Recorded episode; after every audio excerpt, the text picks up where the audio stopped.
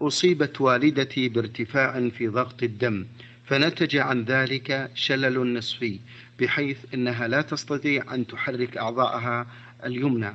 وضعفت ذاكرتها فأصبحت تنسى بعض الآيات القرآنية وكذلك الفاتحة وكذلك بعض الأذكار التي تقال في الصلاة وثقل لسانها عن الكلام بحيث إنها لا تستطيع التفوه بالكلمة إلا بعد جهد كبير. فالسؤال ما حكم صلاة والدتي إن تركت بعض الآيات أو الفاتحة أو بعض الأذكار الواجبة في الصلاة بعد اجتهادها؟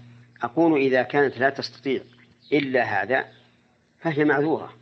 لقول الله تعالى فاتقوا الله ما استطعتم وقوله تعالى لا يكلف الله نفسا إلا وسعها لكن لتحرص غاية الحرص على أن تأتي بالفاتحة والأذكار الواجبة بقدر المستطاع ولو أن يكون عندها أحد يذكرها.